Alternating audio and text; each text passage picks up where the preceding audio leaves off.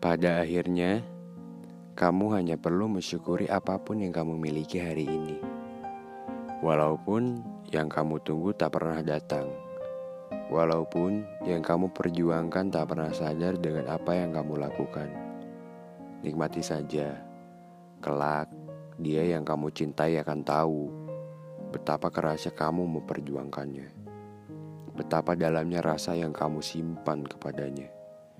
Dia hanya pura-pura tidak tahu, atau mungkin tidak mau tahu sama sekali.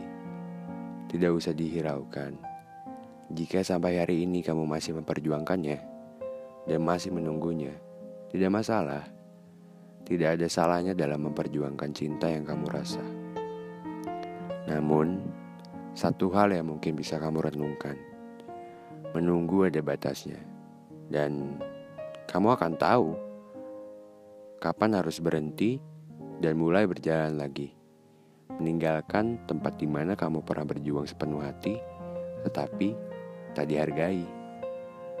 Pada akhirnya, kita hanya dua raga yang sempat berbagi rasa. Pada akhirnya, kita menjadi pernah membuat cerita, lalu kini kita hanya sebuah nestapa yang berakhir karena sebuah luka.